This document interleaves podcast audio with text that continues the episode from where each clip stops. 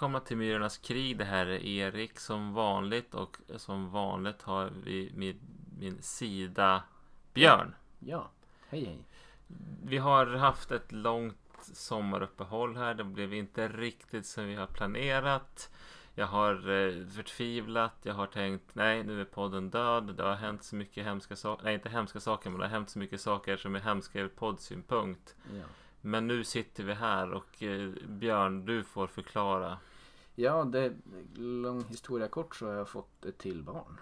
Och det, Ja, väl liksom, Det säger väl allt. det säger väl allt. Det pratade vi om lite då i förra podden som då var i juni.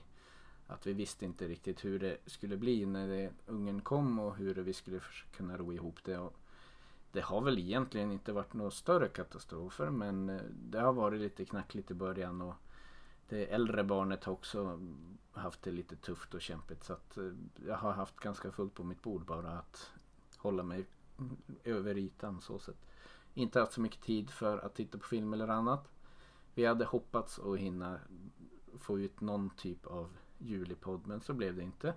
Nej, jag var på vippen att lägga ut vårat eh, pilotavsnitt när vi pratade The Remakes. Mm. Men jag kände att så desperat är det inte. Nej.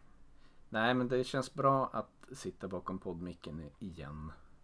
Det blir ju lite så här. Man tyckte man hade lite fritid när man hade ett barn och nu känns det som att man har typ ingen alls. Men att få träffas så här och se lite skräckfilm och podda gör ju att ja, men det känns som att det är hopp om livet. Får man, man måste bara orientera sig i den nya, nya vardagen med, med två ungar och bolla. Nya lösningar på ny, nya problem och Ja. gamla problem och så är det. så. Ja, ja, men ehm, hur är det annars då? Jo men det är väl Ja det, det är egentligen ganska bra men det har varit eh, tufft från början tycker jag. Ehm, Det har gått bra, det är inga större katastrofer men det har väl varit lite det där att förlika sig med att nu är det fan Parent 24-7 har det varit lite på sistone. Det, den, eh, mycket har ju blivit för min del att ta hand om det äldre barnet.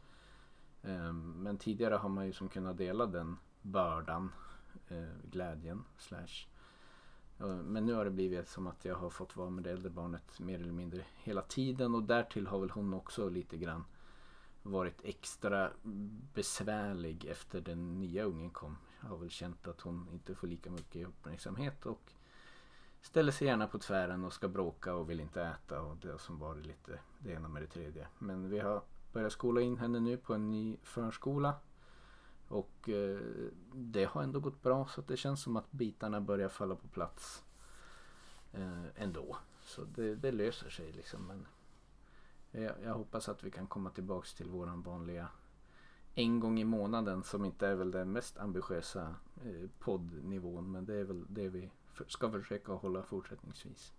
Jag tror att eh, vi, det liksom eh, skulle vi ge ut dubbelt så mycket avsnitt och tid Mm. så tror jag guldkornen skulle bli ännu glesare. De skulle inte bli fler Nej, precis. om man säger så. Det känns som att eh, skulle vi, oavsett hur många avsnitt vi gör så vi, man har den tid man har liksom. Och, eh, ja, det, det, det ska vara roligt också. Det ska inte bara kännas jättejobbigt och besvärligt att försöka få ut en podd utan vi försöker lägga oss på den nivån där det känns roligt för oss att göra det. Och då känns en gång i månaden som en bra eh, morot att arbeta mot utan att det blir för mycket. Liksom.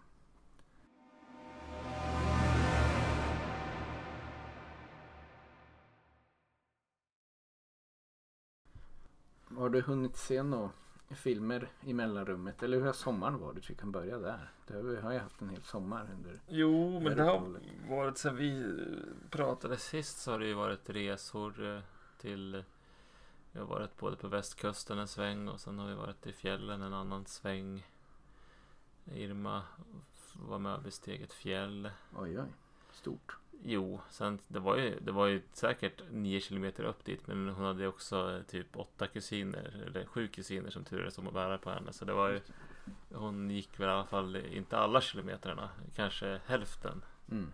Men hon höll modet uppe. Jo, inte- men det var som när hennes, en av hennes favoritkusiner Hadar, eh, när jag sa, "Ja, men För jag fick bära henne ganska mycket i början med. Men jaha, han sa att han ville bära, han vill bära dig. Och så Mm. var det som att efter det så var det inga problem. Då var hon med upp på toppen och hon kraschade lite grann på slutet efter att hon hade lekt parkour på väg, vägen ner. Så vart hon så det var som tvärstopp och så fick vi bära sista biten. Men Ja, ja.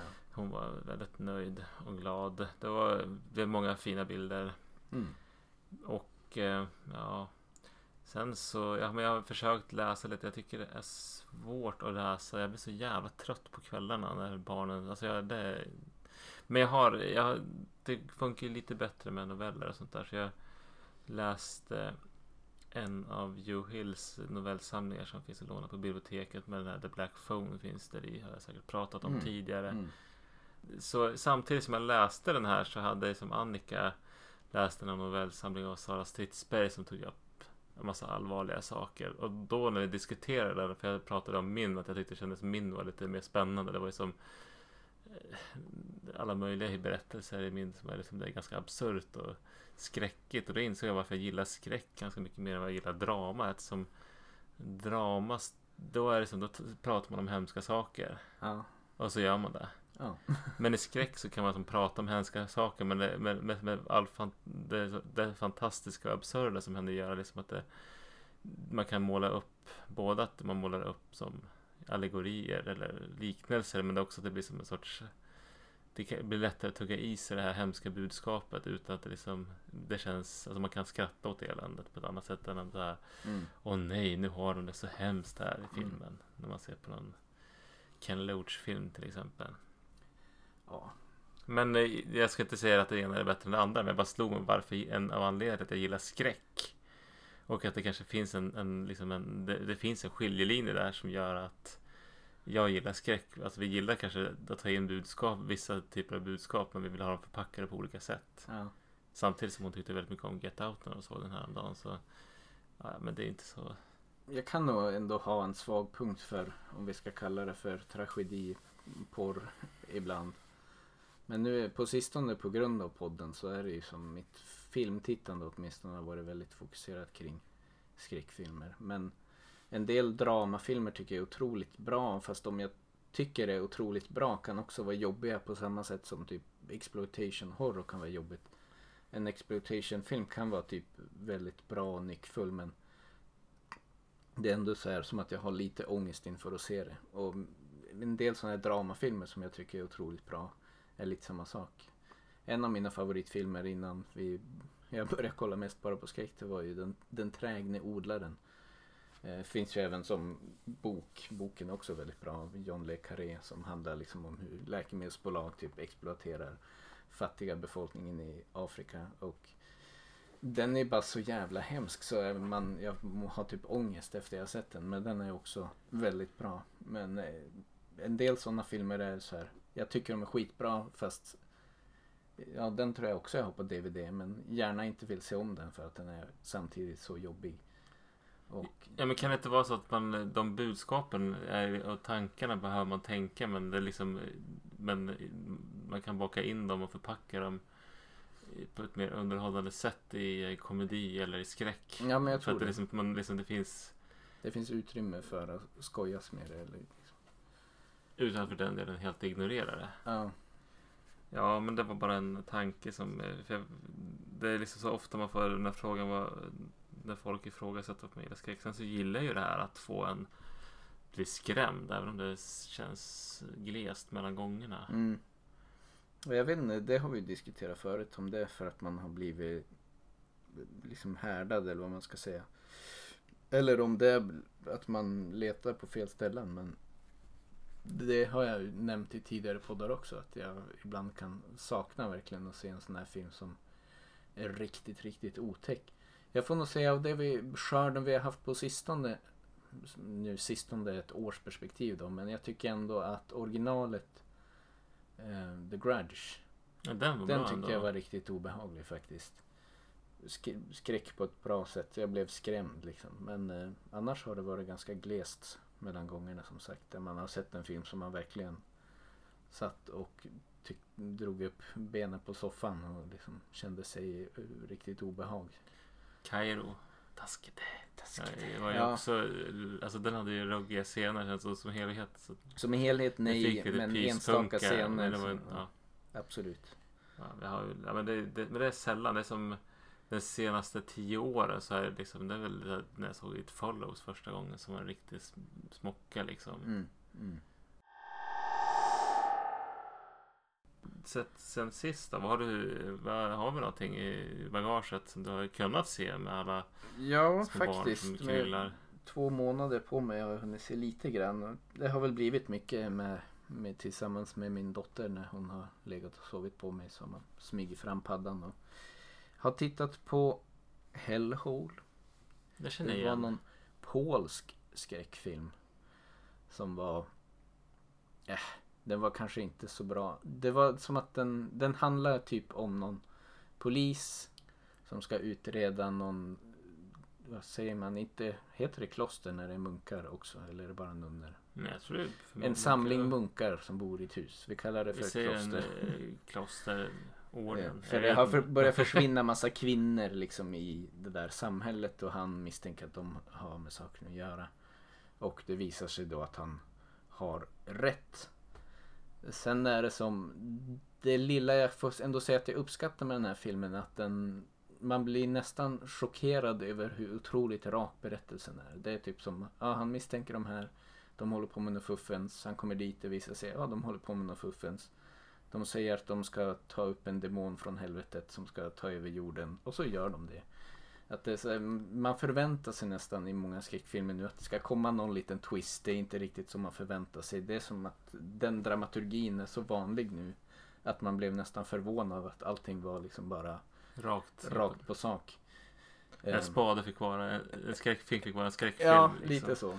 Men eh, ja, ingen stor rekommendation. Jag såg också Tin och Tina som var någon spansk skräckfilm.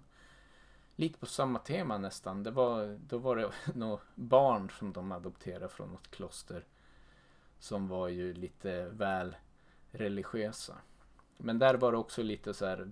Kvinnan i det här sammanhanget som var med adopterade barnen var också väldigt. Hade ett väldigt dåligt perspektiv på kyrkan och var ganska anti-religion. Och hon börjar ju som misstänka, saker händer i huset. Hon tror att det är barnen som ligger bakom för att de har så här knepiga religiösa föreställningar. Och det lämnas lite osagt i allt som försiggår i filmen. Vad som är hennes paranoia och vad som är barnens faktiska reli religiositet. Som, så att det, det är lite mer eh, oklart. Är bra vart då? riktigt sanningen ligger.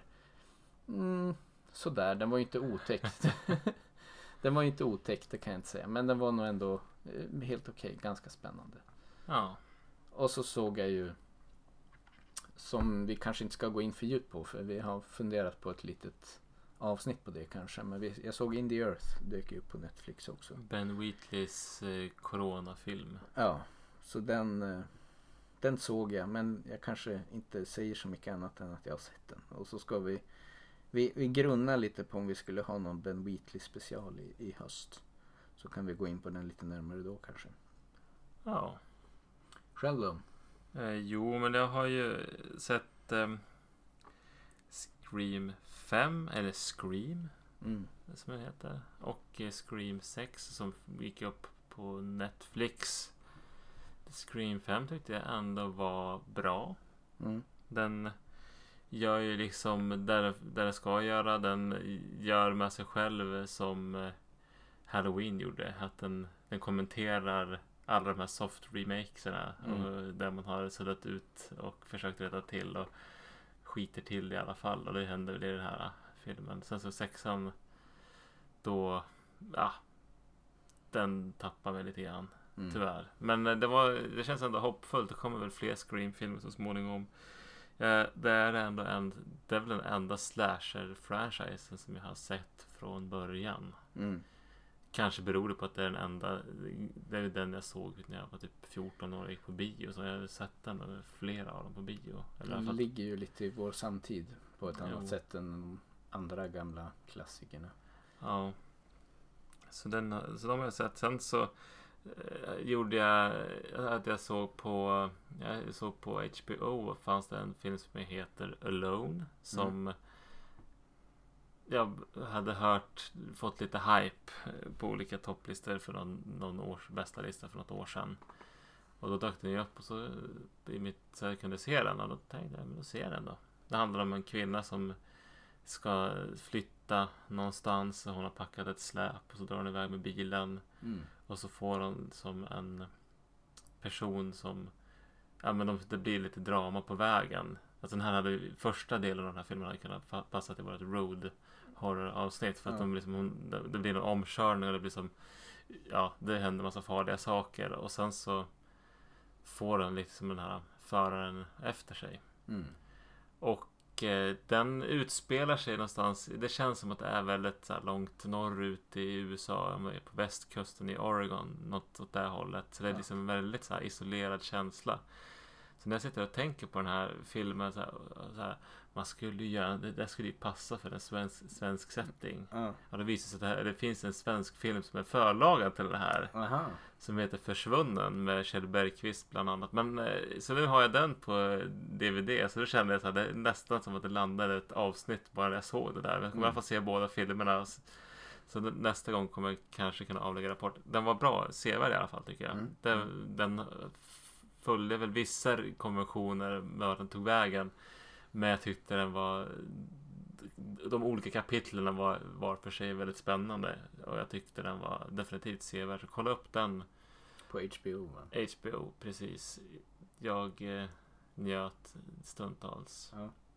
Jag blev ju nästan ännu mer taggad på den svenska förlagan och se Kjell Bergqvist åka runt i inlandet eller vart de nu är då.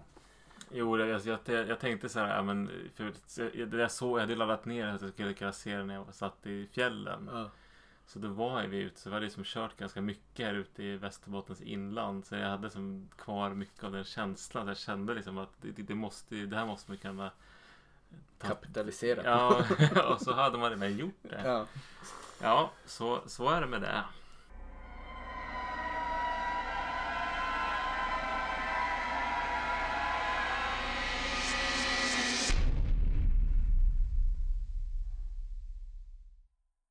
Men då kanske vi ska börja leta oss in mot temat för kvällen. Jo, och som eh, jag sk- kanske döper det här avsnittet till Ground Horror Day. Precis, måndag hela veckan. Vi är tillbaks i jobbtider så det känns som att det passar. Jo, det är som... eh, Ja, man, för de som inte vet vad vi ska prata om eller för att ge en bild av det så finns det ju den här Bill Murray-filmen från typ början, eller slutet på 80-talet, början på 90-talet. Mm. Där han hamnar i en loop där han ska bevaka någon något murmeldjur som är någon, i någon byhåla eller någon mindre stad så han är sur och eh, så ska han bevaka det här och så blir han fast där och han blir fast i samma dag så han måste gå igenom precis allting Mm. likadant igen. Varje dag. Och det har, har ju, det har ju varje dag händer samma sak och Mm. eh, han måste lösa någonting för att komma ur det där. Och nu har vi försökt leta upp några skräckfilmer med samma mekanik. Mm. Och det har fa- fallit sig ganska bra. Först tänkte jag The Butterfly Effect men den var inte riktigt så. Nej, Att den föll in i precis. ramen. men vi hittade, vi hade lite tur att hitta en relativt ny film som hade kommit upp som heter Remember. Och så hade vi ju tidigare sett men nu även sett om Happy Death Day. Yes, och sen precis nu i, innan vi började spela in här så är kanske huvudanledningen till att det här avsnittet ens blev till. eh, har vi sett eh, DVDn som jag hittade på second hand av eh, The Deaths of Ian Stone. Ja. Då ska vi, vi brukar ta det i kronologisk ordning. Och den är ju, kom ju först av Då de blir det här. den som kommer först. 2007 tror jag. Just det. Regisserad av någon eh, som jag inte kände igen namnet på. Den enda som jag i IMDB det här som jag verkligen så här kände igen namnet på. Ni andra som kanske IMDB kanske kan mer. Så ni känner säkert igen skådespelaren. Men en av producenterna är Stan Winston. Mm. Och han har ju gjort eh, specialeffekterna till jättemycket väldigt stora filmer som Terminator 1 och 2 och Mm. 3 säkert och Alien och Alien. I alla fall Aliens. Så han är ju och eh, är ju lite av en eller var, han dog något år efter den här filmen kom ut. Han, han var ju en väldigt stor inom sitt gebit kan man väl lugnt säga. Ja, men då börjar vi köra en, en S-bar då. Ja, Försöker vi på The Deaths of Iron Stone. du kan få ta det. S. Eller ska vi ta en synopsis först? Ja, vi kanske ska börja där. Ja, jag, märker, jag kan väl... För det är ju, vi får följa Ian Stone som börjar på en, en eh, hockeyarena. Han börjar som en hockeyspelare och, som i college och eh, det går inte så bra i matchen. Han är lite sur och lite deppig. Hans eh, flickvän tröstar honom lite grann och sen så åker han därifrån och på vägen hem när han har lämnat sin flickvän så dör han. På, något- det är något sorts spöke, något monster som eh, gör att han hamnar på tågrälsen och dör. Och i samma ögonblick som han dör så vaknar han upp på ett kontor. Och en kollega till honom ser precis ut som flickvännen. Han är som i ett nytt liv och han kommer som knappt ihåg någonting av det som hade hänt när Mm. han dog innan. Men det är någonting, det ringer klockor någonstans. Det är vissa saker som inte går ihop. Mm. Och så dör han igen och så hamnar han ånyo i ett nytt. På den vägen är det. Ja, Varje gång han börjar minnas sina gamla liv då kommer det en monster och dödar honom. jo. Och, Och- klockan stå, stannar. Det är som Ja. en liten ledtråd. Och lite grejen är då att han måste lista ut vad det är som försiggår tillsammans med oss tittare. I suppose. Ja. Eh, Men S då? Vi kan väl, för nytillkomna lyssnare, S-bar. Vi har ju som Mm. en, ett, en struktur här som är hämtat från vården. Tjatigt. Mm. För er som har följt oss ett tag. Men det, det kan vara, ja men vi har delat in det i en S-bar. Och då är S står för skräck, spänning, framförallt skräck. Eftersom vi pratar mest om skräckfilmer, men det är ju, de är ju också spännande. B står för berättelse, där alltså tar vi saker, hur hänger, hur har de skrivit det här, hur funkar skådespelarna, vad tycker vi om i historien, bla bla bla. Eh, A är det audiovisuella, är det här snyggt att se på, härligt att lyssna på, eller är det för jävligt fult? Mm. Och R, det är liksom när man... Det, det tenderar ju till att bli jävligt mycket skit och nitpicking och gnäll när vi pratar. Så R, så då får man liksom... Summera känslorna. Ja. Om man kan rekommendera eller inte. Och S-bar är ju en struktur som man använder för att rapportera saker inom vården. Då. Fast då står inte bokstäverna för riktigt samma Eh, sak. situation, bakgrund, aktuellt, rekommendationer. Precis. Yes, box. Men vi börjar med S som i det här fallet då är skräck slash spänning. Ja. Och ja, spänning finns det väl lite av i den här filmen men inte så mycket av skräck. Det var ju som... Jag tror att den här, de, de hade monster som kunde vara otäcka. Mm. Men de syntes för mycket alldeles för tidigt. Ja, nu när du sa om den här snubben då som jag redan tappat namnet på. Som var Stan i, Winston.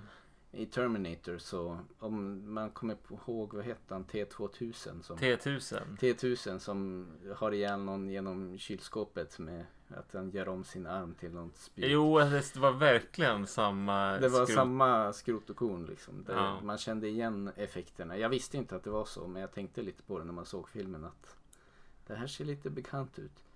Och det var, det var liksom lite T1000 fast de var typ svarta och lite spökliga Jo. också.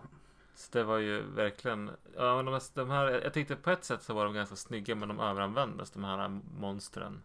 Man skulle ha fått lämnats i lite grann funderationer längre. Det var som, som du sa, ganska pang på rödbetan direkt på de här monstren fram och döda honom. Som tittare hade jag hellre, det hade varit mer otäckt och spännande om man längre tid in i filmen inte riktigt förstod vad det var som för sig gick. Och det behövde inte alltid vara demoner som kom in och dödade honom. Det kunde väl bli överkörd av en bil eller vad som helst.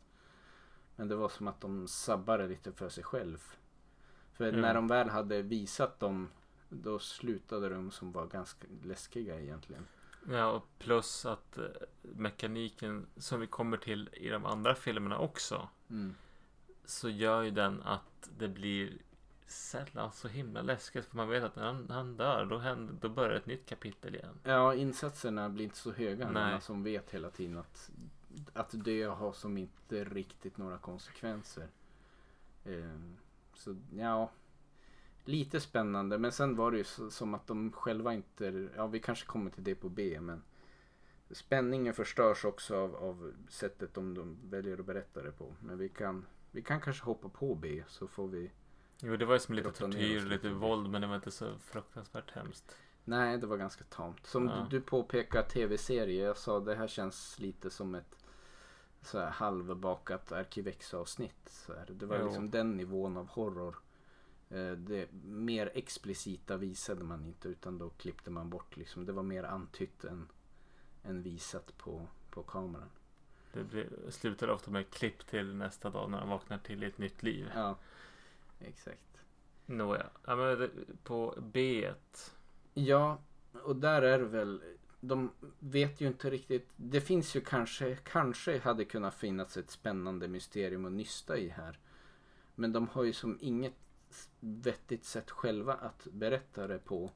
Ja, mekaniken är ju så att han, eftersom han vaknar upp i ett nytt liv hela tiden och måste börja minnas. Så blir det ju väldigt svårt att ta den här historien framåt utan att det bara blir att han vaknar upp i en ny kropp och så dör han Ja, på ett nytt sätt. sättet de tar det framåt på då det är ju att vi har våran exposition guy. Som det dyker upp. kommer liksom en, en mystisk figur som hela tiden kommer in och dumpar exposition Men i inte varje nytt kapitel lite grann. Jo, han dämpar en exposition i varje nytt kapitel. Men eh, det, han gör det liksom... Och det är, det är så uppenbart för att det är som att han ger bara lite grann för att man ska komma ett steg framåt. Mm. Och sen så måste man ändå hållas lite på halster. Ja. Så kommer han nästa varv en gång till och ger lite mer information. Och sen så, rätt, så faller allting på plats till slut. Men det känns så På ett ganska lamt sätt. Eh, Otroligt lamt tyckte jag. För att det är också, han berättar ju som bara straight up. Så här är det. Och det känns som att en del, han, han kanske behöver existera men jag tänker att man skulle kunna hitta något smartare sätt att berätta det här mer organiskt i berättelsen. Att Ian, huvudkaraktären, också själv hade liksom fått nysta och pussla ihop lite grejer. Nu är det som att han, han springer bara runt och är och dör om vartannat och så emellanåt kommer den här expositionssnubben då och berättar lite mer om så här hänger det ihop. Men liksom he- hela historien berättas ju nästan av expositionsfiguren och Ian är som nästan en biroll i sin, sin egen film höll jag på att säga. Och han är väl inte den mest han gör väl en okej insats I guess men det är som svårt. Ja, han känns ju... Ja, men... Ja, Jag känner ju aldrig att så här, åh jag hopp, undrar verkligen hur det ska gå för honom utan Jag hade inte jag bryr mig så mycket om honom som person inte. nej. Nej men det, och det, det, det, är- mycket faller ju på att de har ju det eftersom det blir som en ny, alltså en helt ny. När Mm. hans minnen raderas ut så faller lite grann. Hans ark blir ju lite, den blir lika uppstyckad som Mm. berättelsen. Men eh, ja, ja, de skådisarna är väl okej. Det är väl Ja. inte där det faller på utan det är ju att i hur de har berättat och skrivit det här. Och idén som det här bygger på den är onödigt svår att få till. Ja. Och eh, ja men den, den ett tag tänkte jag ska den gå i någon sån Matrix riktning och det gör den väl kanske också. Ja. Det är ju som någon sorts eh, blandning av ett Arkivex-avsnitt och Matrix och lite allt möjligt. Och lite Hellraiser Och tänker lite jag också. Hillary. Den tar lite inspirationen här och därifrån. Och gör det inte så bra. Och gör, det inte, gör ingenting av det riktigt rättvisa. Nej. Tyvärr. Ska vi gå vidare till lat? Vi gör det. Det audiovisuella. Det man var kan- ju någon punklåt som hördes i spela i radio när han var knarkade, nerknarkade episoden. Mm. Jag, hoppas, jag ska försöka leta upp den och kanske lägga in den men jag hoppas inte för mycket. I slutet på avsnittet. Annars känns det inte som att det finns jättemycket att säga. Vi nämnde det på B. Känslan var lite TV. TV. Det var, Så det, kanal 5 fantasy. ja. Typ. Någon Sånt man såg på lite- eftermiddagen efter skolan i högstadiet. Precis. Den. Sina the Warrior Princess liksom. Typ. Kvalitet. Så lite, det är ju så, finns ju en nostalgi i det I suppose. Men det var ändå, det kändes lite billigt. Inte jätteimponerande. Specialeffekterna är ju kompetenta liksom. Som, som vi var inne på, de här monstren som de är konstruerade och gjorda.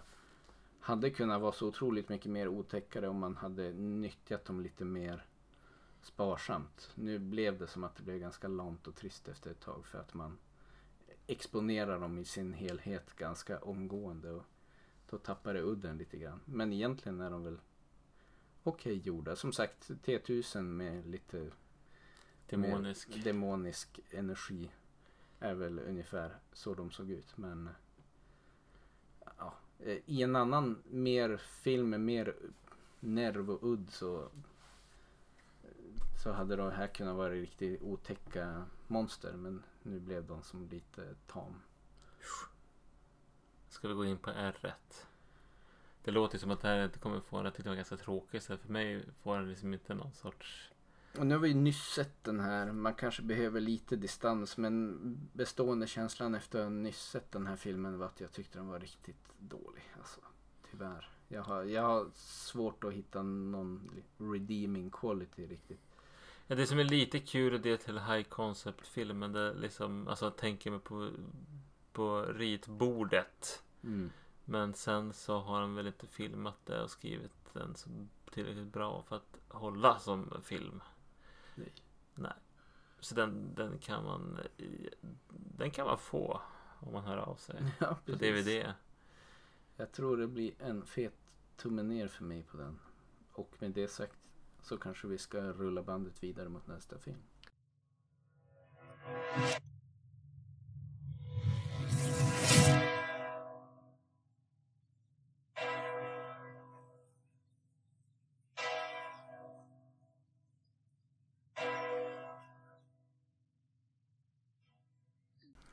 Ja men då hoppar vi till 2017s eh, lite svar på Scream. Mm.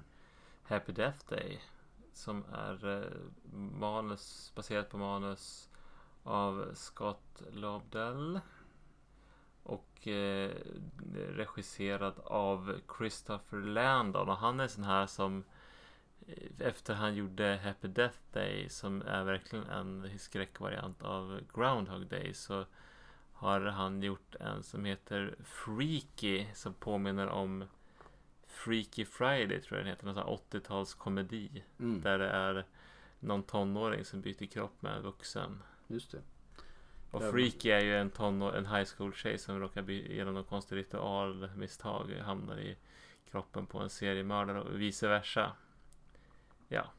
Det är lite så här high concept Det har blivit hans grej. Ja.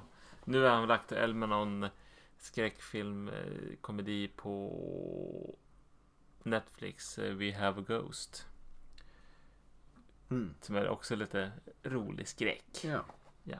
Men äh, åter till Happy Death Day som ni kan gissa som inte har sett den. Ni kan väl ändå ana att det här handlar om en Groundhog skräckis. Och vi får följa eh, Tree Gelman som är en ganska sarkastisk och eh, otrevlig, eh, brattig eh, college-student mm. som vaknar upp eh, bakfull i ett dormroom. Och det är någon stackars kille där som tydligen har hjälpt henne för att hon var väldigt berusad. Mm. Och han eh, blir inte så bra behandlad av henne så hon går därifrån. Och så får man följa hennes dag. Hennes födelsedag. Det är hennes födelsedag dessutom. Och det slutar med att hon blir eh, mördad av en mystisk person i mask. Mm. Och så vaknar hon upp i samma dormroom och börjar om igen. Och det blir som en gåta som behöver lösas. Hon behöver försöka ta reda på vem det är som mördar henne och Kom, se till att inte bli mördad helt enkelt. Precis. För att ta sig ur loopen. Precis. Ja, men eh, ska vi gå och hoppa, hoppa till ett S? Ja. Jag tycker väl att eh, det är som en slasher-film. Helt sonika. Jag tycker att den här, med den här maskerade mördaren som dyker upp. Mm. Återigen, inte så otäckt, men ganska spännande, ganska underhållande. Det är ju det tangerar ju mycket skräckkomedi det här i hur det Ja, det är ju det. Ehm, är Så att eh, man ska inte förvänta sig att bli så rädd. Men det är väl kompetent slasher Ja, det är lite våld. horror. Ja. Det dör folk. Både hon dör, hon dör många gånger och så dör lite folk i lite collateral damage. Eller vad man ska säga. Mm.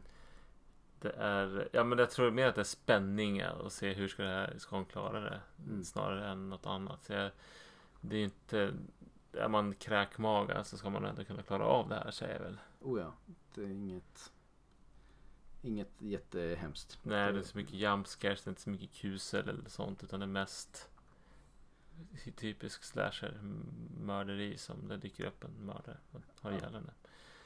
Ja, B. Ja, jag tycker ändå att huvudrollsinnehavaren här, nu har jag tappat namnet på henne, men att Tree. Tree, hon gör ändå ett ganska bra jobb.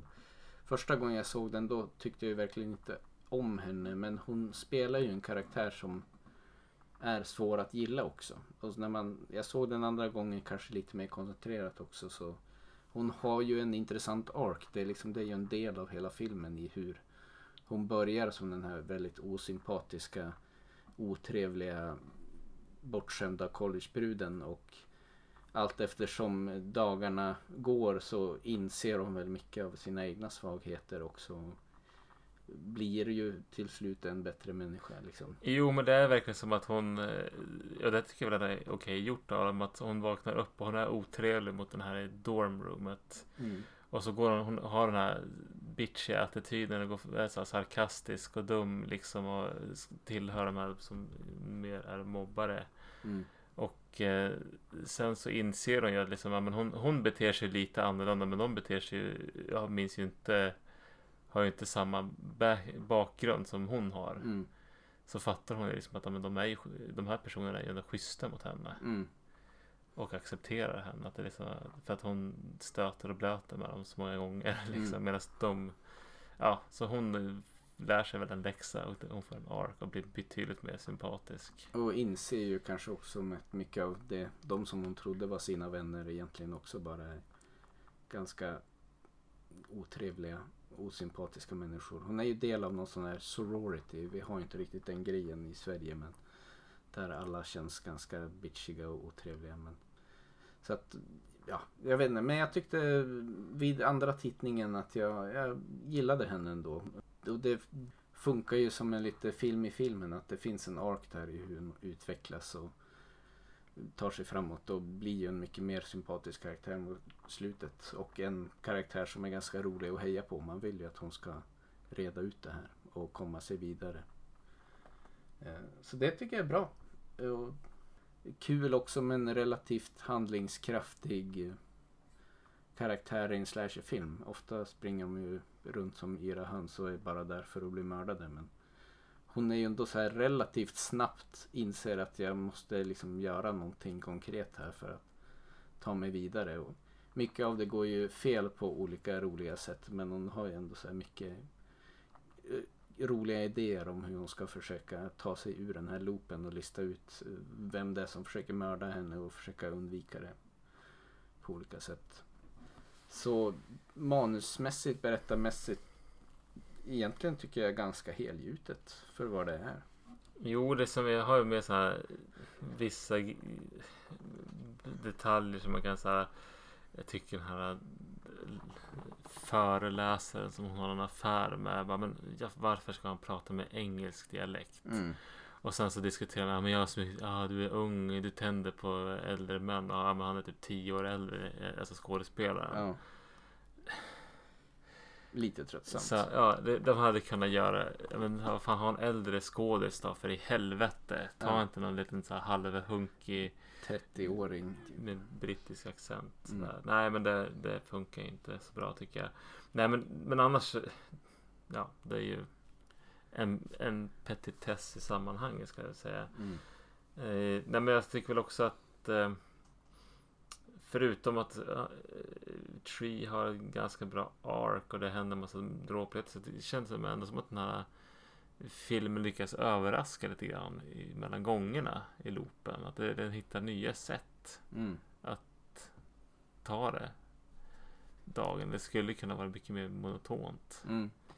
Ja, men eh, sen så förstår jag inte hur mördaren alltid kommer ikapp henne, var hon, hur hon än beter sig. Men det kanske finns någon förklaring till det. Det känns som att, att eh, Det känns lite som att det är också så här. Den driver ju med mycket slasher tropes på något vis. Det känns som en ganska typisk så här slasher grej att mördaren kommer alltid i kappen på något vis. Jo, sen så kan det bli som en whodunit grej. Ja, men vi vet att men, om det är samma mördaren, mördare, hur kommer den hur kommer det sig att hon blir mördad? Då måste liksom finnas i närheten. Alltså, man, Mm. det, kan, det, alltså det ingår ju liksom att det kanske går att lösa det genom att se, är det här rimligt att den här, om de har gjort det, Mm, mm. att den- som faktiskt visar sig vara mördaren faktiskt har de möjligheterna. Så det kanske ingår i gåtan. Ja, nu kanske vi ska gå vidare. Ja, Ja, det audiovisuella. Det är som en... Det märks att det är som ett produktionsbolag som har pengar. Det är liksom en collegemiljö som det brukar se ut på en lite välpolerad strömlinjeformad amerikansk film. ja. Det är ingenting som Varken mer eller mindre. sticker ut åt ändra hållet. Det är jag typ inte skrivit någonting när det gäller A-delen. Det är inte dåligt men det är väl det sticker inte ut riktigt på något sätt heller tycker jag. Inte så mycket att säga. Det är någon jaktsekvens. De arbetar en del med kameravinklar och för att hetsa. Göra att det blir hetsigare men... Ja. Ja. Annars det är ingenting jag minns som stack ut.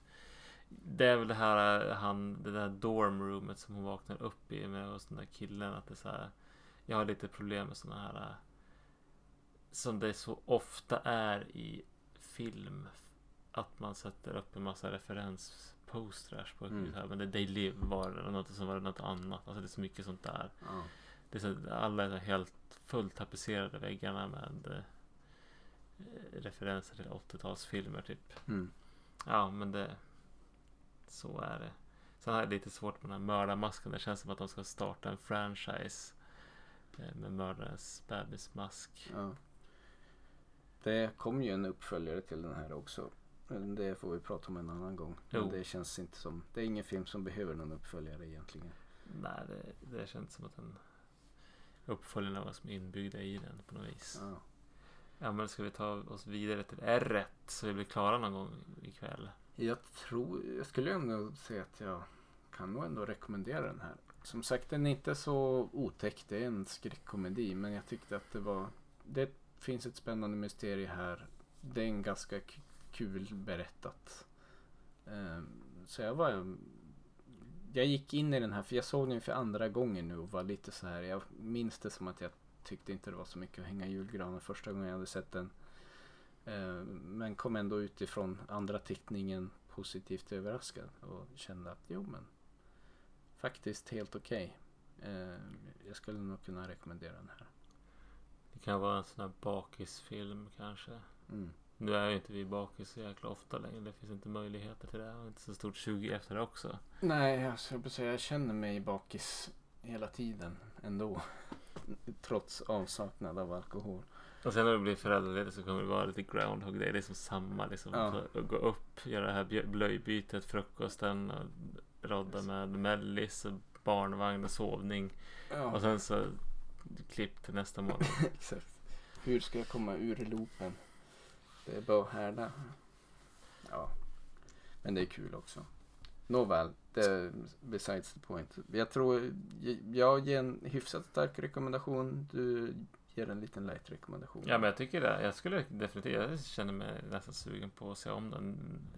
Eller jag kommer kanske kunna se om den här som en jag kan dra med Eli säkert. Mm. Den är lite light. eh, Och den är lite, ja men den tror jag kommer lite fler gånger, absolut. Men då sätter vi punkt för Happy Death Day då och jobbar oss vidare mot den tredje och sista filmen på temat som är Remember.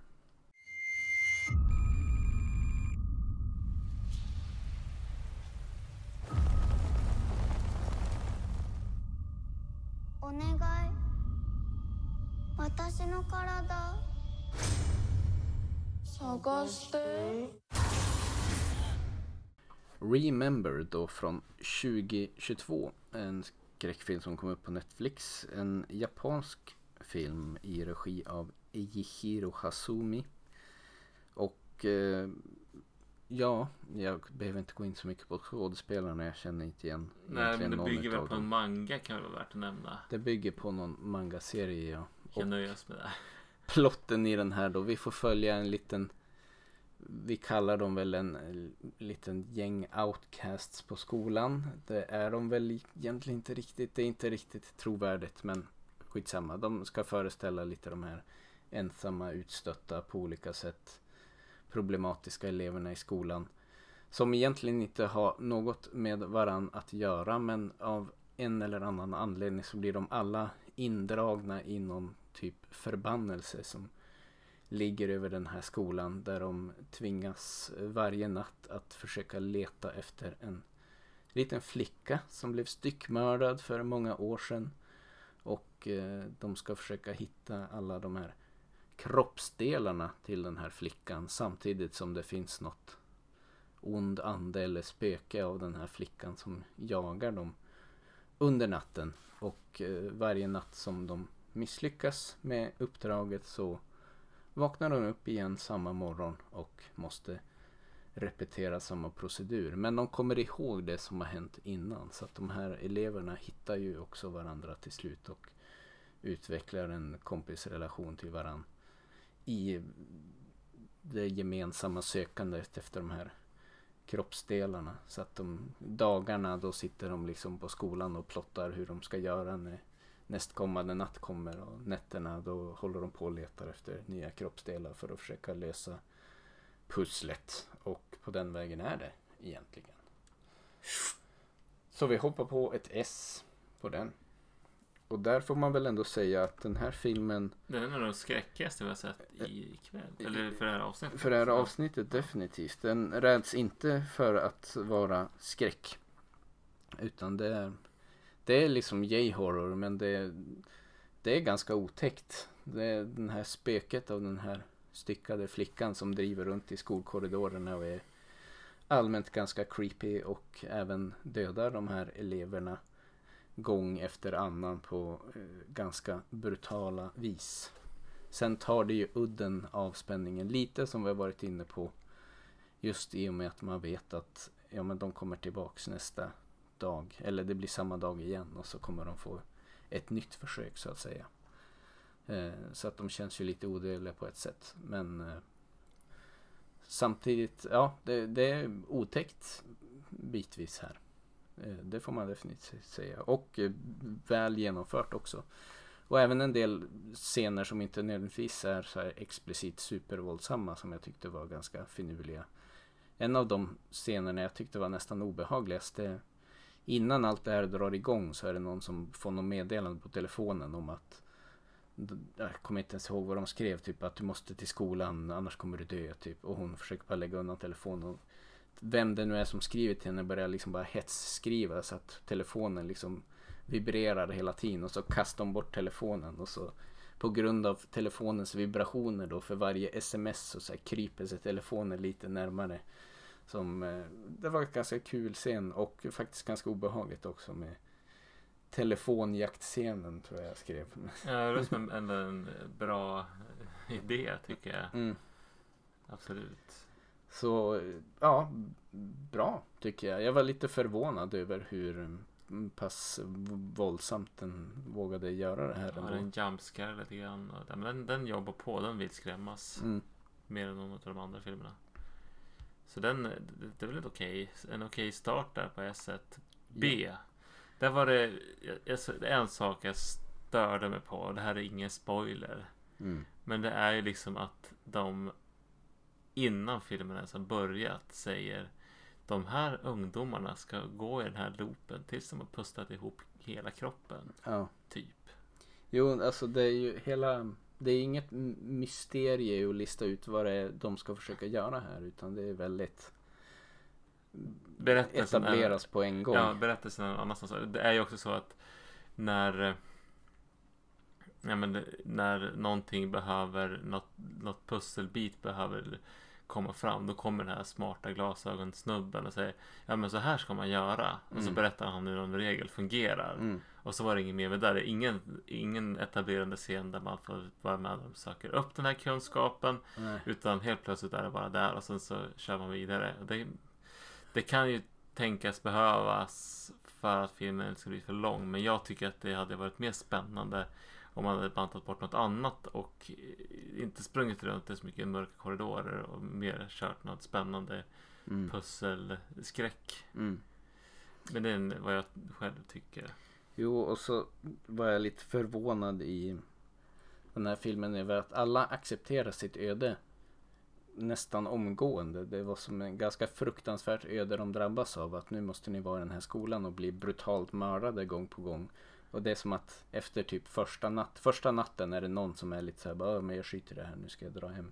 Eller jag vill inte vara med. Men det är typ efter det där alla som bara, okej, nu kör vi. Och så är de bara världens likletarteam som liksom eh, Jo, hjälps åt på skolan och nu ska vi arbeta som ett lag för att lösa det här tillsammans. Så det var lite så här, det, det var väl det, dit hän ville man väl hamna och det var ganska kul liksom att få följa den dynamiken när de verkligen blir väldigt samspelta och så här också. Men det är som att det sker nästan omedelbart. Att det skulle kunna vara lite mer konflikter och trevande fram och det känns som Med lite ångest. mer realistiskt också att inte alla skulle vara liksom direkt bara japp okej nu ska vi leta lik och alla är bara helt Jo, och sen är det som att här dag, när det är ljust och dag, då är de som ett kompisgäng som gör en massa roliga saker tillsammans.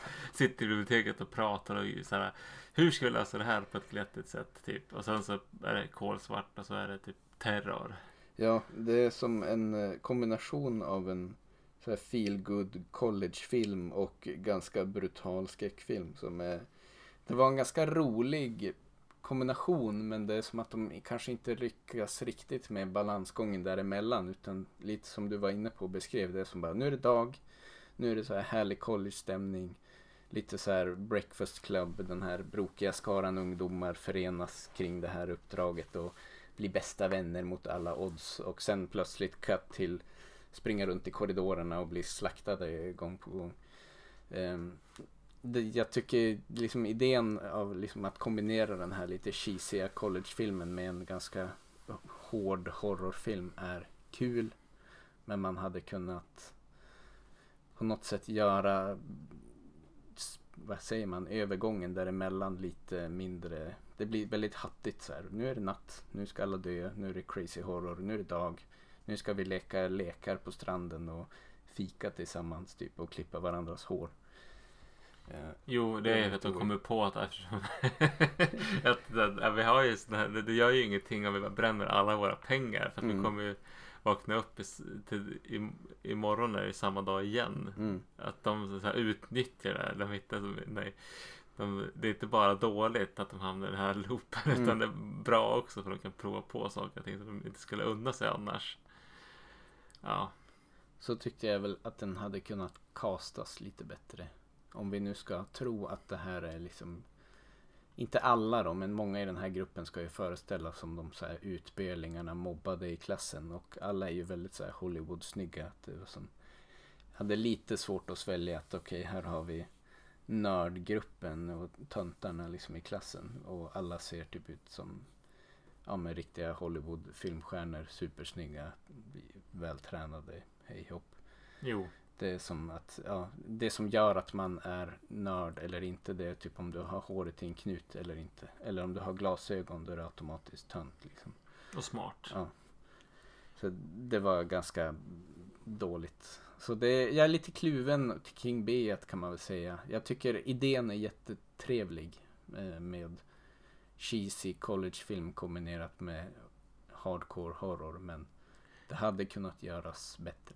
Nu kan det varit bättre med några etablerade övergångar. Men nu är det skymning och så blir de lite mer ångestladdade. Eller Mm. vad som helst. Det skulle kunna göra sätta upp eh, insatsen lite grann. Och i, Mm. och, ja, men det, det hade de faktiskt kunnat göra bättre. Ja, så är det. Eh, Nu har, det är därför vi har. Jag ska inte klaga. Eh, På A, A1 audiovisuellt. Jag hade ju problem. För att jag tillfället jag kunde se det här var ju typ på, mitt på dagen innan jag skulle jobba kväll tror jag. Det är en ganska mörk film. Det, och det var fan i mig svårt att se monstret alltså. Ja. Jag, jag bara hörde när de dog ibland. Alltså, Ja. Det var ju kolsvart. Ja, Jag såg den på natten i, i rätt ljus. Men det är ju en sån där pet peeve jag har med många skräckfilmer. Att varför ska man göra det så jävla mörkt?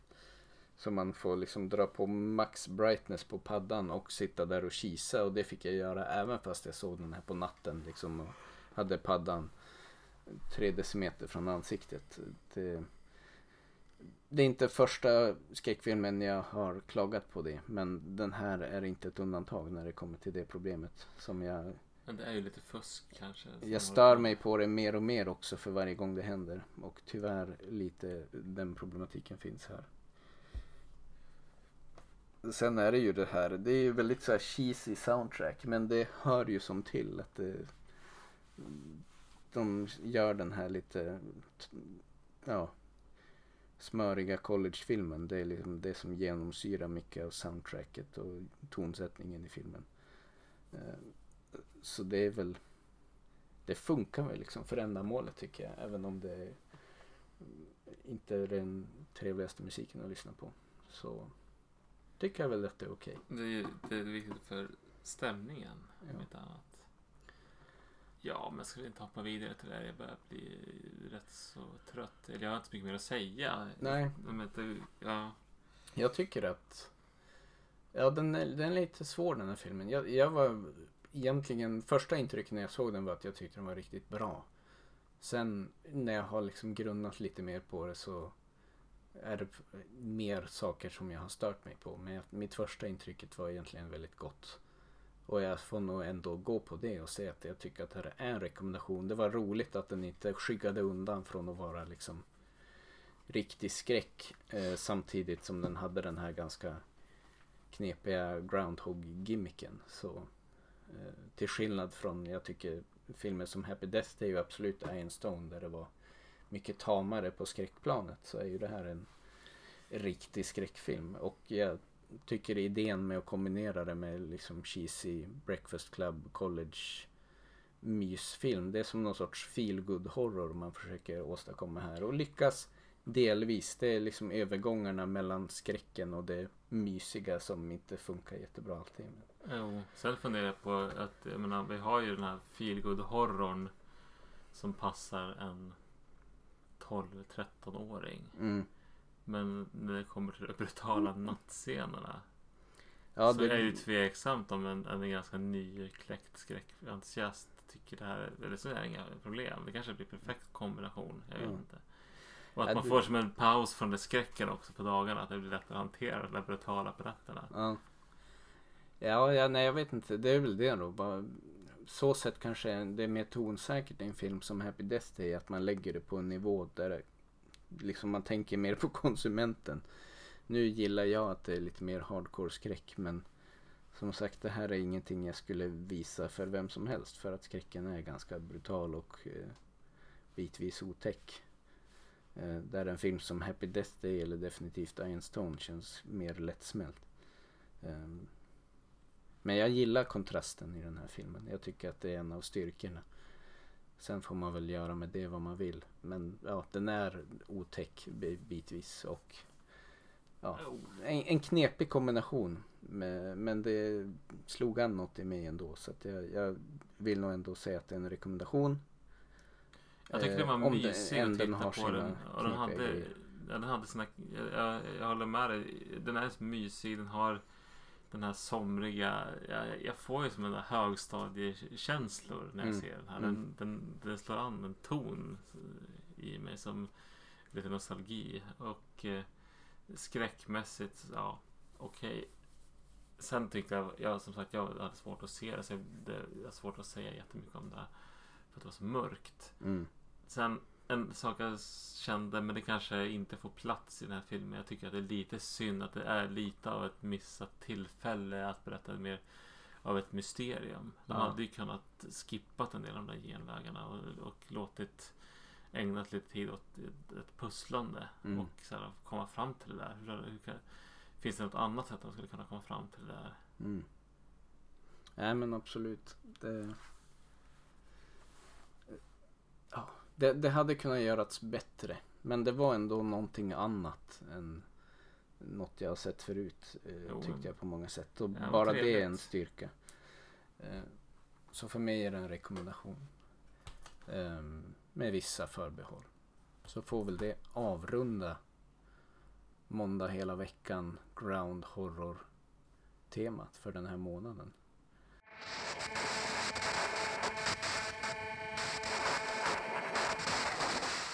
Vad tyckte du annars om temat som helhet? Eh, Jo, men jag, jag tycker ju det är kul att ha sett eh, Ian Stones dödsfall. mm, Men jag kommer inte se om den. mm. De andra två filmerna är faktiskt underhållande och kan hända att jag kommer se om.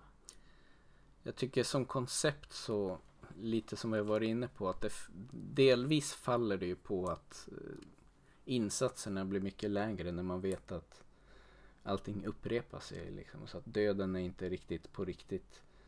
Eh, Men eh, ja, Så det kanske faller sig naturligt att man måste vara, ta i, det måste vara lite komedi. det måste vara lite det komedi, ska det måste vara lite tongue in cheek. Det kan inte vara blodigt allvar med ett sånt här lite busigt tema eller high concept tema.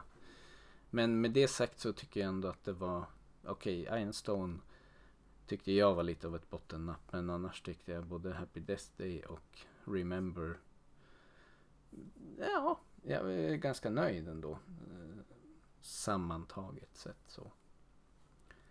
Men om vi ska blicka framåt då. Är det... Eh, Ben Ja, Wheatley Ben känns Wheatley har inte vi- så långt bort. I pipeline i alla fall. Om det blir nästa månad eller den därefter. Låter jag vara osagt. Men... Sen skulle jag vilja göra ett avsnitt där man, eller kanske till en två stegsraket. Att man gör svensk förlaga, amerikansk remake. Ja. Det skulle vara kul också. Nu jag tänkte på den här eh, Försvunnen och Alone. Vad finns det mer man skulle kunna ta då? Vi har ju låtit rätt att komma in förstås. Ja, Det är också uppenbart att jag inte ens tänkte på det. nej, det, ja, det skulle väl kanske vara det då. Samtidigt så... Ja, jag vet inte.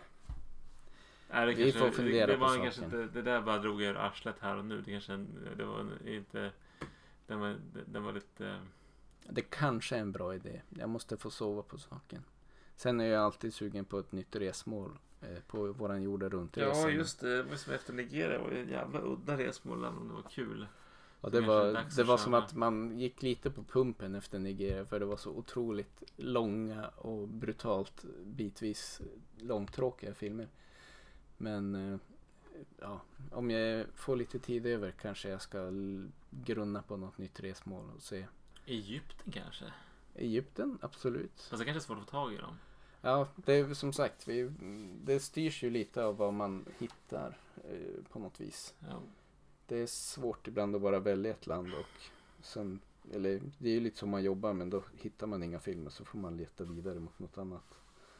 Men vi ser väl, något resmål ska vi in i i, i månaderna som kommer och Ja, det kommer Weekly ska vi också in i. hösten garanterat. Det hjälper att bestämma. Kanada finns ju alltid. Det är ett öppet mål. Ja, Ett öppet hockeymål. Sen finns det ju...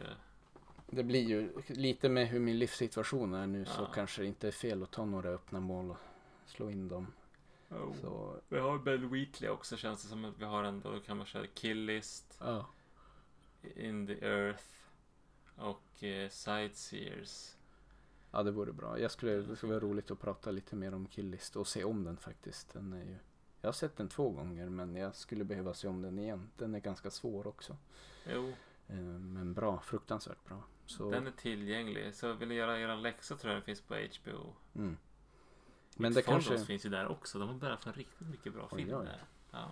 ja, men det kanske är Ben Wheatley som ligger i, i görningen då. Eh, Det är väl grundtipset till nästa månad. Att vi siktar på det helt enkelt. Och fram till dess så får vi önska er god natt och Så, så gott. hej då. Back to the loop. Yes.